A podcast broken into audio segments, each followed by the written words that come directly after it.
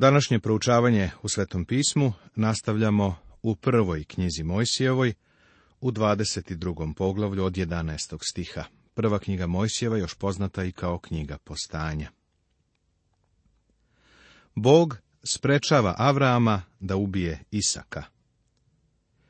Jakov je napisao da se Avram opravdao delima, kada je žrtvovao svoga sina.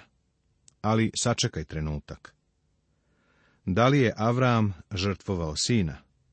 Da li tvoja Biblija govori o tome da je Avram zario nož u svoga sina? Ne, ni ja u svojoj Bibliji ne čitam o tome. Ali anđeo gospodnji viknu ga sa neba i reče, Avrame, Avrame, a on reče, eto me. A anđeo reče, ne diži ruke svoje na dete i ne čini mu ništa, jer sada poznah da se bojiš Boga, kad nisi požalio sina svoga jedinca svoga, mene radi. Sada Bog zna da ga se Avram boji. Kako to zna? Po njegovim delima, po postupcima. Prethodno je to znao po veri. Bog vidi tvoje srce, on zna da li si iskren ili ne. Ali tvoji bližnji i tvoji prijatelji to ne znaju. Oni to mogu saznati samo po tvojim delima. Zato je Jakov mogao reći da je vera bez dela mrtva. Vera mora nešto da proizvede. Bog je testirao Avrama. Verujem da svaka osoba koju Bog pozove, svaka koju spase, svaka koju Bog namerava da upotrebi, biva testirana. Bog je isprobao Avrama, a Bog i danas testira one koji su njegovi. On isprobava tebe i mene, a testovi su dati da bismo ojačali našu veru, da bismo sebe utvrdili i da bismo mogli da mu služimo. Avram je sada stavljen na najviši test. I Bog posle ovoga od njega neće ništa više da traži. I Avram podigavši oči svoje pogleda i gle, ovan iza njega zapleo se u česti rogovima. I otišavši, Avram uze ovna i spali ga na žrtvu mesto sina svojega. Sve od Edenskog vrta pa do Hristovog krsta, zamena je bila ta malena životinja koja je ukazivala na njegov dolazak. Bog nije dopuštao ljudske žrtve. Ali kada je njegov sin došao na svet, otišao je na krst i umro. Bog koji nije poštedeo svog sobstvenog sina, nego ga je predao za sve nas, kako nam neće s njim i sve drugo darovati? Zapisano je u poslanici Rimljanima u osmom poglavlju u 32. stihu Svetoga pisma Novog Zaveta. Taj krst je postao oltar na kojem je bilo žrtvovano jagnje Božije koje je uzelo na sebe grehe sveta. Vrlo je važno uvidjeti to. I nazva Avram ono mesto, gospod će se postarati. Zato se i danas kaže na brdu, gde će se gospod postarati. Avram sada ovom mestu daje ime. Mnogi smatraju da je baš na tom mestu posle sazidan Solomonov hram. Golgota Kosturnica je na istom bregu na kojem je bio i hram. Tu je Avram prineo na žrtvu svoga sina i tu je razapet gospod Isus Hristos. Tako je divno i slavno uvidjeti sve to. Avram ovom mestu daje ime Jehova Jira, što znači gospod će se postarati. Tu je Bog intervenisao u njegovu korist. Bog ponovo potvrđuje svoja obećanja Avramu. I anđeo gospodnji opet viknu s neba Avrama i reče, sobom se zakleh, veli gospod, kad si tako učinio, a nisi požalio sina svojega jedinca svojega. Samo trenutak, imam pitanje, da li je to Avram ipak učinio? Ne, on nije žrtvovao sina, ali mu Bog kaže, kad si tako učinio. Vidiš, Avram je verovao Bogu, i otišao je dovoljno daleko da tebi i meni pokaže ono što je Bog već znao i da pokaže svom stvorenom svemiru da je on bio spreman da žrtvuje svoga sina. Zato je Bog to njemu uračunao kao da je to i učinio. Avram je opravdan verom, ali je pred ljudima opravdan delima. Pokazao je da je imao veru i nisi požalio sina svojega, jedinca svojega. Zapazi kako Bog o ovome govori, jer On je dao svog jedinog sina. Kroz ovaj događaj Bog jasno pokazuje da će se pojaviti čovek koji će stati na prolomu, da će biti čovek koji će moći da postane spasitelj sveta, ako bilo ko treba da bude spasen. U ovom poglavlju data nam je velika pouka. Avram je rekao da će se Bog postarati sebi za jagnje. Zatim je pronašao ovna i prineo ga na žrtvu. Ali Bog je posle 1900 godina obezbedio sebi jagnje u Hristu.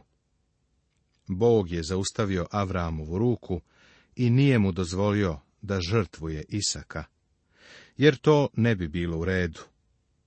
Bog je poštedeo Avramovog sina, ali nije poštedeo svoga sina, nego ga je voljno dao, radi svih nas.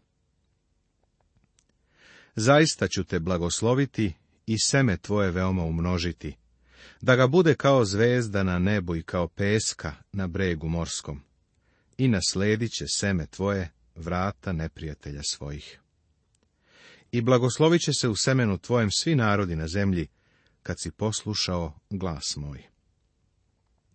I blagoslovit će se u semenu tvojemu svi narodi na zemlji. O kakvom semenu ovde Bog govori? Ako otvoriš poslanicu Galatima, treće poglavlje, 16. stih, vidjet ćeš kako apostol Pavle tumači značenje semena a obećanja su rečena Avramu i njegovom potomstvu. Ne kaže i potomcima, kao mnogima, nego kao jednom i tvom potomku, koji je Hristos. Tako ovdje samo sveto pismo tumači značenje reči semen. Ako se vratimo na osmi stih, vidjet ćemo da apostol Pavle kaže sljedeće. A pismo je predvidelo da Bog opravdava mnogobošce na osnovu njihove vere, pa je unapred objavio Avramu, u tebi će biti blagosloveni svi narodi. Kada je Bog Avramu propovedao evanđelje? Bog mu je propovedao evanđelje kada ga je pozvao da prinese na oltar na žrtvu sina Isaka. Bog ovde kaže, i blagoslovit će se u semenu tvojemu svi narodi na zemlji.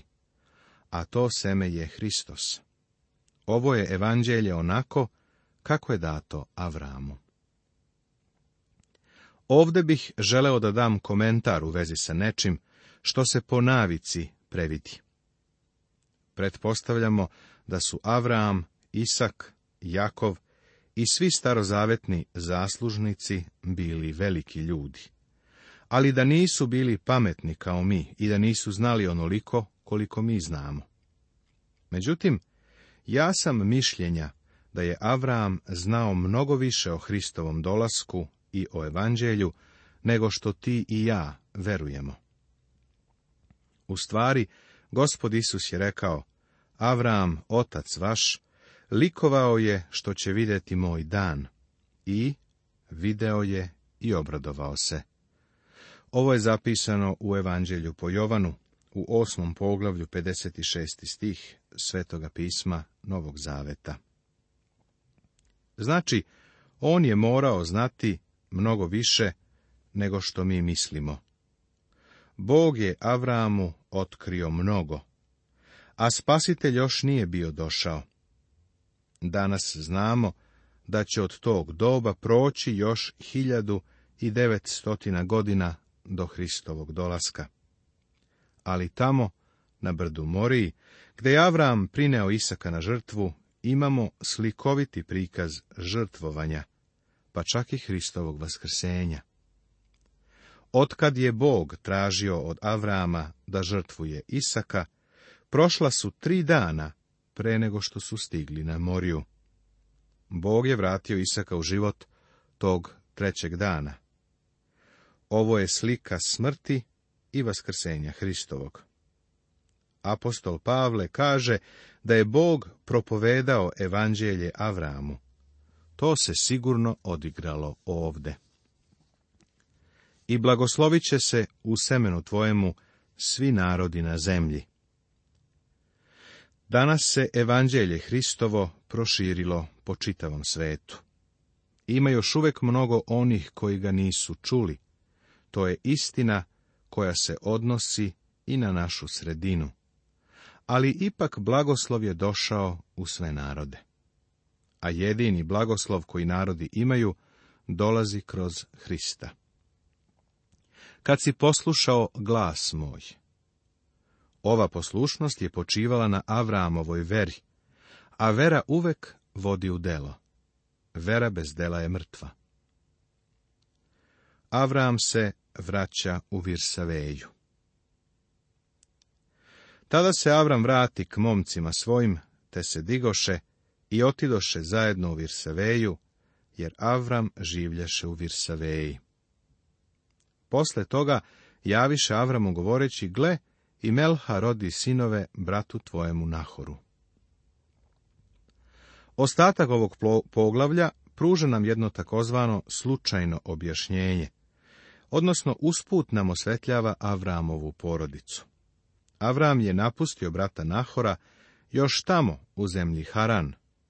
Haranova loza se u Bibliji neće dalje pratiti, ali će se kasnije ukrstiti sa Avramom. Kada do toga dođemo, objasnit ćemo. Ako pročitaš ostatak poglavlja, bit će to tvoja vežba u pravilnom izgovaranju biblijskih imena. Poglavlje 23. U 23. poglavlju vidimo Sarinu smrt. Avram kupuje pećinu, u koju je sahranjuje, pećina je u Mekpeli. Sarina smrt A požive Sara 127 godina. To su godine veka Sarina. I umre Sara u Kirjat Arvi, a to je Hevron, u zemlji Hananskoj. I dođe Avram da ožali Saru i otplače. Zapazi da piše da je Sara imala 127 godina. Imala je 90 kada se rodio Isak, što znači da je u vreme njene smrti, koja se pretpostavljam odigrala nekoliko dana ili meseci posle žrtvovanja Isaka, da je dakle Isak imao 37 godina. Kazano nam je da je Sara umrla u Kirjat Arvi, a to je Hevron.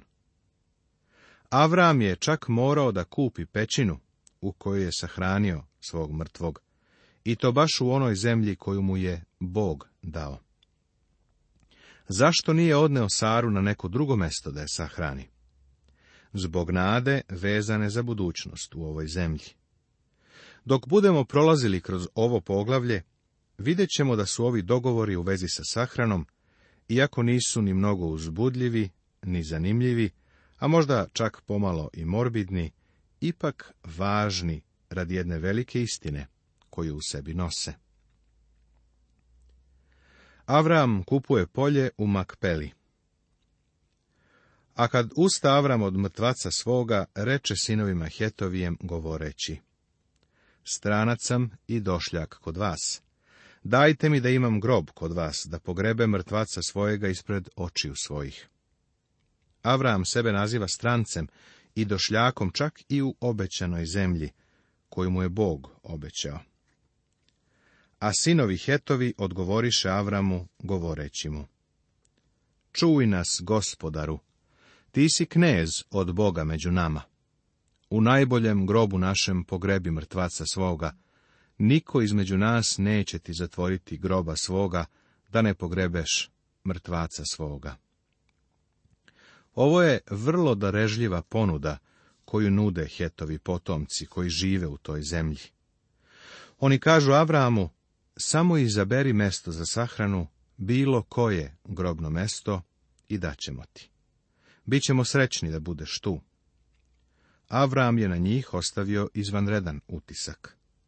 Oni ga nazivaju silnim knezom. Uticaj ovog čoveka je stvarno bio jak.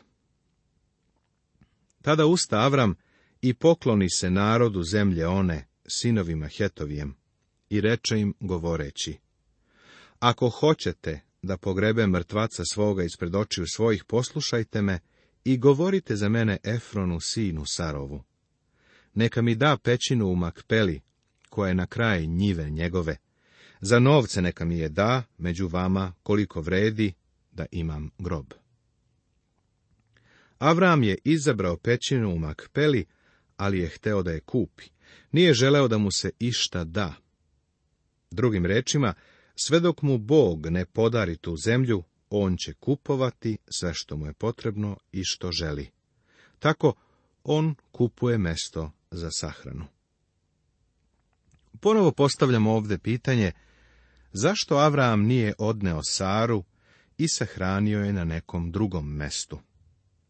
On ju je ovde sahranio zato što je to obećana zemlja.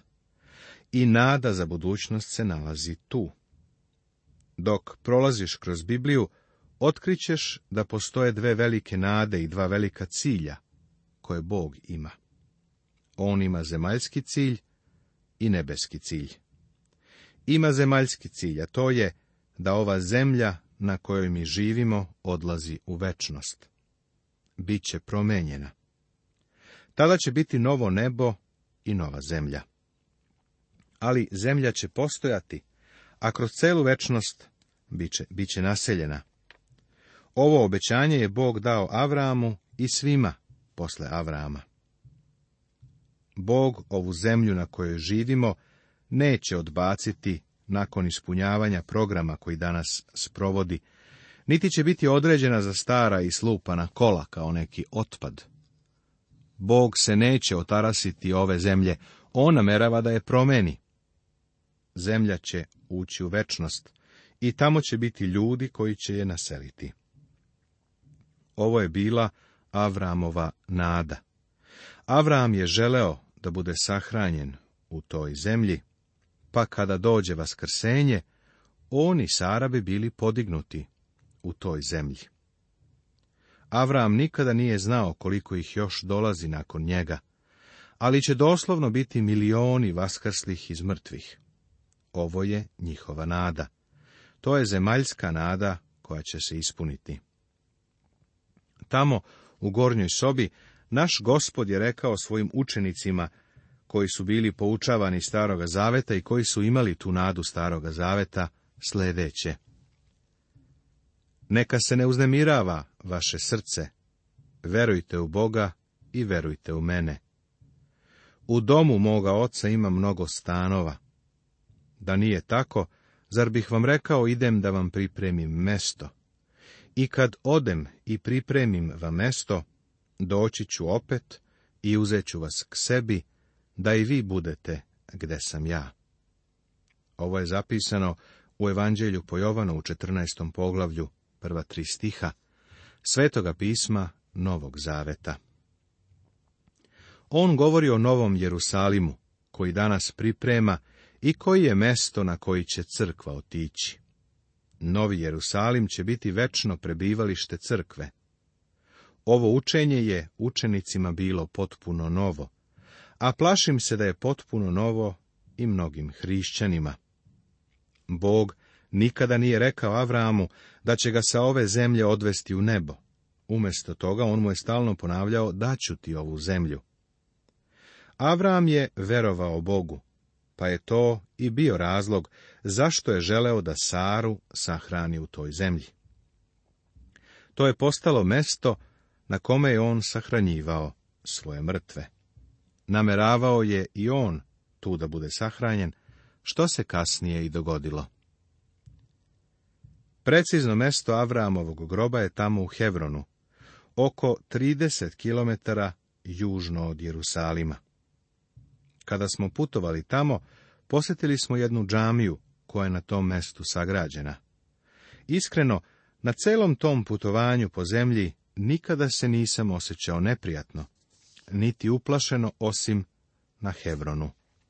Upozorili su nas da na Hebronu treba da budemo vrlo pažljivi, da tu vlada veliki antagonizam prema turistima, kao i prema svima koji tu ne pripadaju. Oni su nam naravno zarade radi dozvolili da posjetimo džamiju. Nakon što smo ušli unutra, gledali smo kroz mali otvor na podu, gde se pretpostavlja da su sahranjeni Avram i Sara, Isak i Rebeka, Jakov i Lija, jer Rahela je sahranjena u Vitlejemu. Svi oni sahranjeni su u Izraelu, zbog svoje nade da će biti podignuti iz mrtvih u toj zemlji. To je zemaljska nada. Nada nas, novozavetnih vernika, jeste nebeska nada. Nadam se da ti je ovo jasno, i da razumeš zašto je ova sahrana za Avrama u to vrijeme bila tako značajna. Avram je onda sklopio dogovor o kupovini pećine. O tome nešto više u sljedećem nastavku.